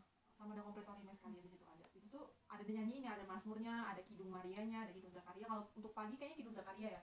Pagi kidung Zakaria yang sore baru kidung Maria. Baru nanti ada masmur masmurnya yang harus dinyanyiin tembak tembak nada ya. Nada nada andalan bakal dikeluarkan di situ kan ya. Oke, itu aja. Terus apa lagi? Jelasin apa artinya formator. Mungkin teman-teman ini pada bingung kan? Dari tadi kita nyebut tuh suster formator. Suster formator tuh apa? Sebenarnya dan apa bedanya suster formator dengan suster-suster yang lainnya? Ayo jelaskan. Nah sepemahamanku aja ya suster formator itu sama kayak suster pembimbing kita. Kalau di rumah kan kita ada yang Ya, membimbingin tua. itu formatornya di rumah ya orang tua kalau di sana suster formator gitu dia tuh yang dampingin khusus untuk uh, masa jenjang aspiran masa jenjang postulat masa jenjang novis jadi dia yang mendampingin entah dalam bentuk mental atau bentuk rohani atau bentuk gimana dia yang dampingin semuanya. Kayak ibu. Kayak ibarat orang tua kita loh pengganti Ya. orang tua. Jadi kalau kita punya masalah atau apa kita bakal bilang kepada suster formatornya. Dan kalau kita mau ngelakuin apa-apa mau ketemu sama orang ini mau minta ini mau minta itu kita harus bilang dulu ke suster formatornya ya udah kayak orang tua lah istilahnya udah kayak orang tua. Dan setiap jenjangan tuh punya suster form- formatornya masing-masing. Kayak aspiran punya suster ini postulat punya suster ini gitu. Pokoknya apa pun yang kita lakukan di sana tuh harus dengan seizin suster formator. Sama kayak kalian kalau misalnya mau pergi ke rumah teman berarti kalian harus izin dulu toh sama orang tua kalian. Nah Hmm. itu juga sama aja kayak kita. Gitu. Terus apalagi yang mau kita jelasin ya? Soal di kehidupan biara yang mungkin belum sudah mengerti. Masih ada pertanyaan nggak? Kalau ada? udah udah habis cuma dari Windu kita punya satu pertanyaan ini dari teman kita Windu Eri Madita oke. Francisca Windu Ya, Eri itu. Madita pertanyaannya dulu kan masuk biara itu pasti keinginan diri sendiri. Nah keluar biara juga pilihan diri sendiri. Pernah kecewa nggak sih ketika sudah keluar dari biara? Nah, ini pertanyaan yang ah cukup ini ya. Dimulai dari siapa dulu? Boleh makan. Oke, dari aku dulu ya. Jujur sebenarnya aku gak mau terang-terangan buka kenapa aku keluar ya. Sebenarnya aku keluar biara itu bu. nggak semua orang paham tentang diri loh Ya, makanya. oke kalau memang keinginan diri sendiri Iya memang kalau keluar tuh memang keinginan diri sendiri gitu kan ya. Emang dari awal tuh emang udah mutusin pulang gitu memang dari diri sendiri dan emang suster format pihak biara bukan suster format sih pihak biara juga memang mengusulkan gue kan emang harus apa bukan keluar sih kayak apa sih mengundurkan diri dulu untuk untuk menyelesaikan masalah yang saat ini benar-benar ada di hati gue gitu kan ya. Jadi ya kalau untuk perasaan kecewa, sedih itu ya pasti ada gitu kan ya. Kecewa tuh bukan berarti kecewa kayak ih gimana sih? gitu. Kalau sedih tuh ya sedih karena ninggalin teman-teman seangkatan gitu ya. Ninggalin semua kenangan yang udah kita buat kenangan suka duka sama teman-teman pengalaman yang gak enak pengalaman ini terus apa ya kayak kegiatan-kegiatan momen-momen kenangan yang bener-bener gak bisa dilupain itu emang berat banget.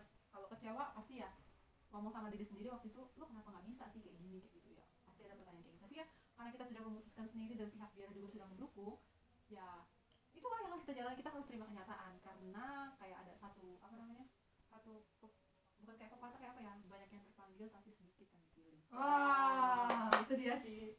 Itu. Iya benar. Kalau ya dalam kalau penjelasan aku kayak gitu. Kalau kamu mas gimana?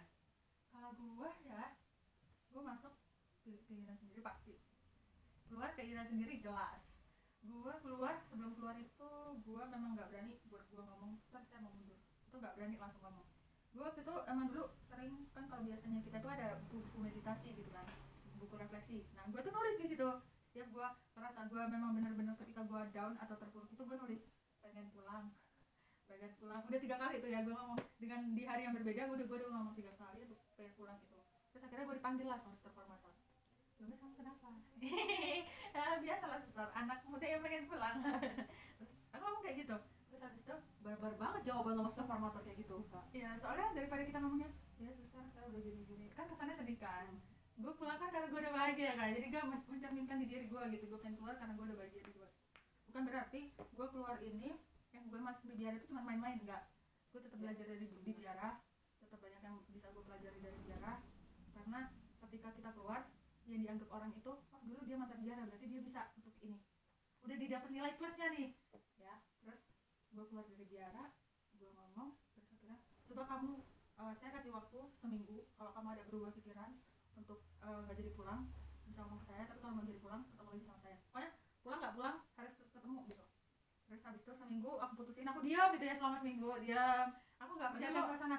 Pokoknya temanku sampai heran mas kok lu tumben banget sih diam selama seminggu ini? Bahkan suster yang deket sama gua dia udah gini mas mas ngapu sih apa sih? Soto itu kayak gitu kan. Terus ketawa lagi gitu dia dia tahu kalau gue udah mau pulang tapi dia kawan gue kan heran ya gue diem aja. Terus dia ngomong dia dia yang gantian sama gue gitu dia mencairkan ke suasana gue yang diem gitu kan. Terus akhirnya eh, temen gue penasaran kan nanya lah sama suster Antonia what? Kat kat kat kat oke nanya pokoknya sama suster itu. Iya sama suster itu ya. kak sama suster itu terus akhirnya tem eh, teman gue eh, suster itu gak jawab jujur sih cuma bilang Gomez lagi capek. Dia kan sering mencairkan suasana terus sering dimarahin ditegur juga. Mungkin dia pengen jadi kalem gitu. Bukan dia banget jadi kalem. Ya temen lo ini. Terus akhirnya terus suster suster itu ketawa kan. Ya biasalah. Namanya orang aktif pengen jadi pasif itu agak susah. Makanya dia coba gitu kan. Sudahlah biarkan. Dia lagi merenung sekarang. Tapi jangan terlalu merenung bakal kita tuh kangen ke kegokilannya dia kan tadi terus akhirnya suster itu cerita sama aku. Mas kayaknya kamu jangan murung-murung kayak gitu kenapa? Mereka malah curiga. Kira kamu pulang gitu lebih baik kamu kayak biasa aja gitu. Oke aku coba besok kayak biasa ya. Oke oke. Terus terus akhirnya eh, malamnya kan gue ketemuannya itu malam ya tengah malam sama dia. Di salah satu tempat yang sangat gue suka di biara. Itu suka banget sampai sekarang masih gue inget jangan disebutin. Terus eh, malamnya mereka belum tidur ternyata malamnya mereka datang masih di kamar gue gue kaget kan? Kok di kamar gue panas. Gue nyalain lampu. Anjir bukan panas jadi seangkatan gue tuh pada masuk kamar gue teman-teman oh. Iya belum tidur itu Ber- lima itu eh bertujuh iya ya berenam iya berenam itu lah masuk. Termasuk si itu juga orang-orang masuk kan. Terus habis itu kok lo di kamar gua? Ya lo sendiri ngapain? Lo dari mana? Kok baru balik ke kamar? Ya gua habis merenung tadi di luar. Alah gak usah bohong lo habis ketemu suster itu kan kata dia gitu. Apa sih? Bullshit. Apa? Kemarin sih mau minta makan? Iya sih salah satunya itu. Tadi Pria udah ngambil makanan ya gitu. Oh ya udah makan aja. Emang kenapa? Mau ngomong apa? Lo mau balik tuh mes? Jahat lo. Dia bilang kayak gitu. Nah omongan kita tuh suaranya nggak dikecilin loh volumenya. Terus ternyata dia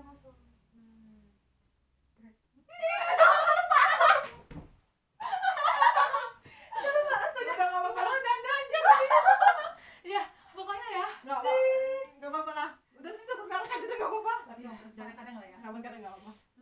masuk ya? terus? Kalian ngapain? Dengan ada yang ngantuk ya mungkin dibilang ngantuk baju tidur. Wes. Ya kita juga pakai baju tidur lah ya. Terus terus? Ini suster tadi mereka lapar kata malam jadi minta makanan saya. Oh iya udah. Jangan terlalu berisik ya. Suara kalian kedengeran. Eh suster formator lo baik banget sih? Ya kalau dia bentak-bentak apa ya semua orang nggak bangun? Maksudnya bangun. gini, gini maksud maksud gue tuh gini loh. Suster lo tuh kayak ngelihat lo orang rame-rame di kamar tuh gak dimarahin. Sedangkan wih gue wow. Salut gue sama suster lo iri gue ya gitu lah ya. Karena kan itu udah malam juga kan. Gue juga heran gue juga kaget gue bingung mau jelasinnya kayak mana. Karena di situ posisi temen gue gue gak mungkin jatuhin, jatuhin temen gue karena di situ gue jadi penengah gitu kan. Jadi gue berusaha terus kalian mau di sini lama-lama? Gue bilang abis susternya pergi kan. Oh iya suster nanti mereka segera pulang. Aku cuma palaku aja yang keluar gitu ya. Jadi teman itu dia orang pada ngumpul di belakang. Yang di kamar gua. Masih di kamar gua posisi. Terus dia orang pada deg-degan semua gak tuh? Ya deg-degan aja jelas. Suster formator masuk terus akhirnya gimana mas mukanya lagi setengah sadar kayaknya. Satu di alam bayang satu di alam asli gue gitu bisa lo masih ketawa lo masih ngakak gitu. Suaranya panik nanti masuk lagi. Belum. Ini masih mending ya suster tadi. Kalau suster suster satunya masuk gimana coba? Suara mana? Eh. Terus habis itu ya udahlah. Akhirnya mereka orang balik ke kamar. Besok paginya nanya lagi mas gue balik kah? Apa sih? Enggak lah ngapain gue balik? Gue lo seneng di sini sama orang ketawa-tawa kan gue formator ngatain lagi tuh nggak nggak denger lo orang kan? Kan udah tidur makanya beliau tadi ngomong pelan-pelan. Kalau dia ngegas apa nggak dibawa bangun oke guys. Itu pertanyaannya. Kecewa nggak lo pas pulang pas pulang gue nggak kecewa. Gue malah seneng banget. Ya karena sudah menjadi pilihannya gitu kan ya. Kita berdua nih ya itulah. Baru pertanyaan kedua dari masih orang yang sama juga. Dia ngasih dua pertanyaan. Oh bentar. Tadi cerita tadi tanya kisah-kisah ketawa kita aja ya Iya. jangan kalau menstigma oh ternyata gak itu nakal di dia ya jangan menstigma kayak apa ya? Kita tuh hanya sharing saja. Karena kita pengen ngeluapin kayak apa yang gitu. apa yang selama ini kita rasain biar bukan berarti kita kayak mau ngejudge biar atau kayak gini enggak. Kita cuma mau sharing-sharing aja gimana pengalaman-pengalaman kita. Kan kita udah bilang dari awal yang baik dari kita diambil yang jelek dari kita tuh jadikan sebagai pelajaran. Jadi hiburan aja buat jadi kalian. hiburan aja buut kalian. Ya biar gak terlalu tegang banget biar kalian gak terlalu mikir tuh biarnya kayak gini ya. Tapi biar tuh sebenarnya apa ya? Bukan jadi tempat apa sih namanya kalau dibilang? iya ya gitu Pokoknya- pokoknya Eh, cerita-cerita yang kalian dengar jangan buat kalian jadi eh, batu eh, handalan apa batu batasan buat kalian untuk jadi suster gitu. iya jangan jadikan itu karena apa ya biara itu tidak seburuk yang kalian bayangkan biara itu tidak seseram yang kalian bayangkan Ini kan hanya pendapat kita, Hanya gitu pendapat kan. kita gitu. Pendapat kalian beda yang merasakan gitu. Setiap angkatan itu berbeda masa-masanya. Iya, biara tuh enak sebenarnya apalagi kalian akan berinteraksi dengan banyak suster gitu kan pasti tidak seseram yang kalian bayangkan pasti akan seseru kalau bawa enjoy pastinya yang kedua kita udah berusaha untuk komitmen tapi tidak memiliki tapi tidak memiliki kita ketika kakak ketika kita berada di dalam kenyataan apa yang kita lakukan ke depannya? Kita sudah komitmen gitu kan ya mau masuk biara gitu. Kita mau tetap di sini sampai Tuhan yang mengambil nyawa kita tapi ternyata waktu itu tidak tapi ternyata Tuhan tuh gak memilih kita. Terus yang mau kita terus gimana kita cara ngadepinnya gitu? Dan apa yang mau kita lakukan ke depannya? Apa ya? Kalimat dia ini Tuhan tidak memilih itu salah sih. bukan Tuhan tidak memilih memang apa ya bukan bukan berarti Tuhan tuh nggak memilih loh mungkin bukan jalannya kita bukan hidup di sini gitu nggak sih kata-katanya Oh, panggilan itu istilahnya panggilan nggak bisa dipaksain gitu. ya. panggilan nggak bisa dipaksain gitu Oh. Apa yang harus dihadapi gitu? ini apa yang apa yang Oh. dilakuin sama kita ke depannya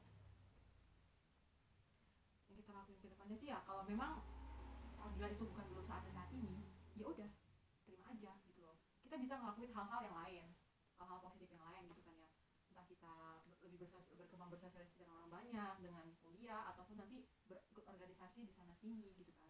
Karena gue sering dengar sih dari orang-orang ya ada juga dari beberapa suster yang ngomong memang kematangan orang yang masuk biara itu memang jauh lebih matang yang udah kuliah ya.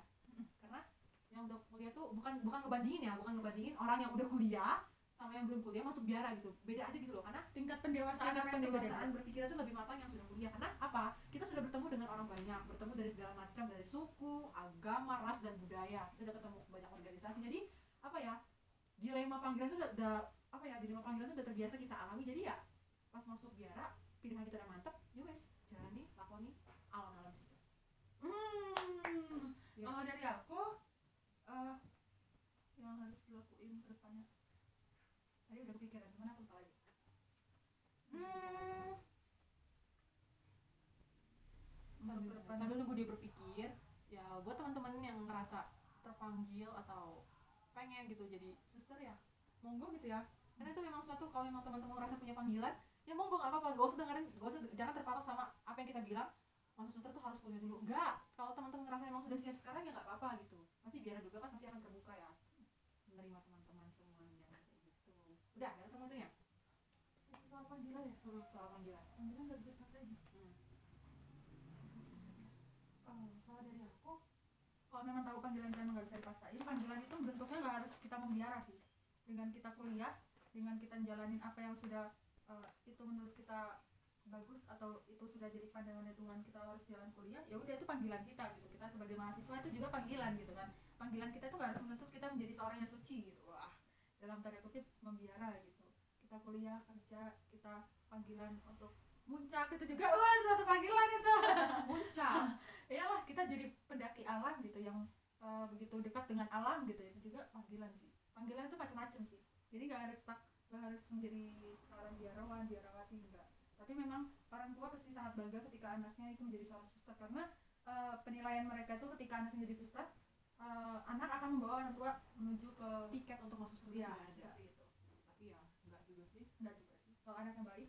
Kalau anaknya baik juga nggak soleha oh ya seperti itu. Bisa. Ya terus kalau anaknya berprestasi juga bisa. Itu membanggakan pastinya Tuh, mungkin ada lagi yang mau kita bahas di sini. Udah sih kayaknya itu aja ya. kita juga bingung mau jawab apa lagi. Mungkin cuma itu sih yang bisa kita sharingin ya tentang kegiatan kita di Biara. Thank you buat semua teman-teman atau mungkin ada bapak ibu atau juga suster yang ikutan nonton di sini. Terima kasih banyak udah gabung di podcast kita kali ini. Sampai jumpa di podcast kita selanjutnya mungkin dengan berbeda orang atau apa. Tapi yang penting pesan satu dari pesan dari kita lewat sharing ini ambil yang baik dari kita jadikan yang itu sebagai pelajaran oke Oke, terus kalau dari saya eh, namanya panggilan itu nggak bisa dipaksain. Kalau memang lo udah mantap hari ini pe- pengen jadi suster ya udah lo ngomong sama susternya atau di FSGM atau di HK atau di apa. Tapi kalau misalkan kalian masih bingung dan pengen jalan-jalan gitu, bingung nggak ada temennya, lo bisa menghubungin kita berdua. Kita orang bakal nemenin lo, entah tapi masih di lingkup Bandar Lampung Masih ya. aku Bandar Lampung aja Entah ya lo pengen ke susteran FSGM atau HK atau apa, terus lo masih ngomong sama suster lo bisa nanya sama kita orang.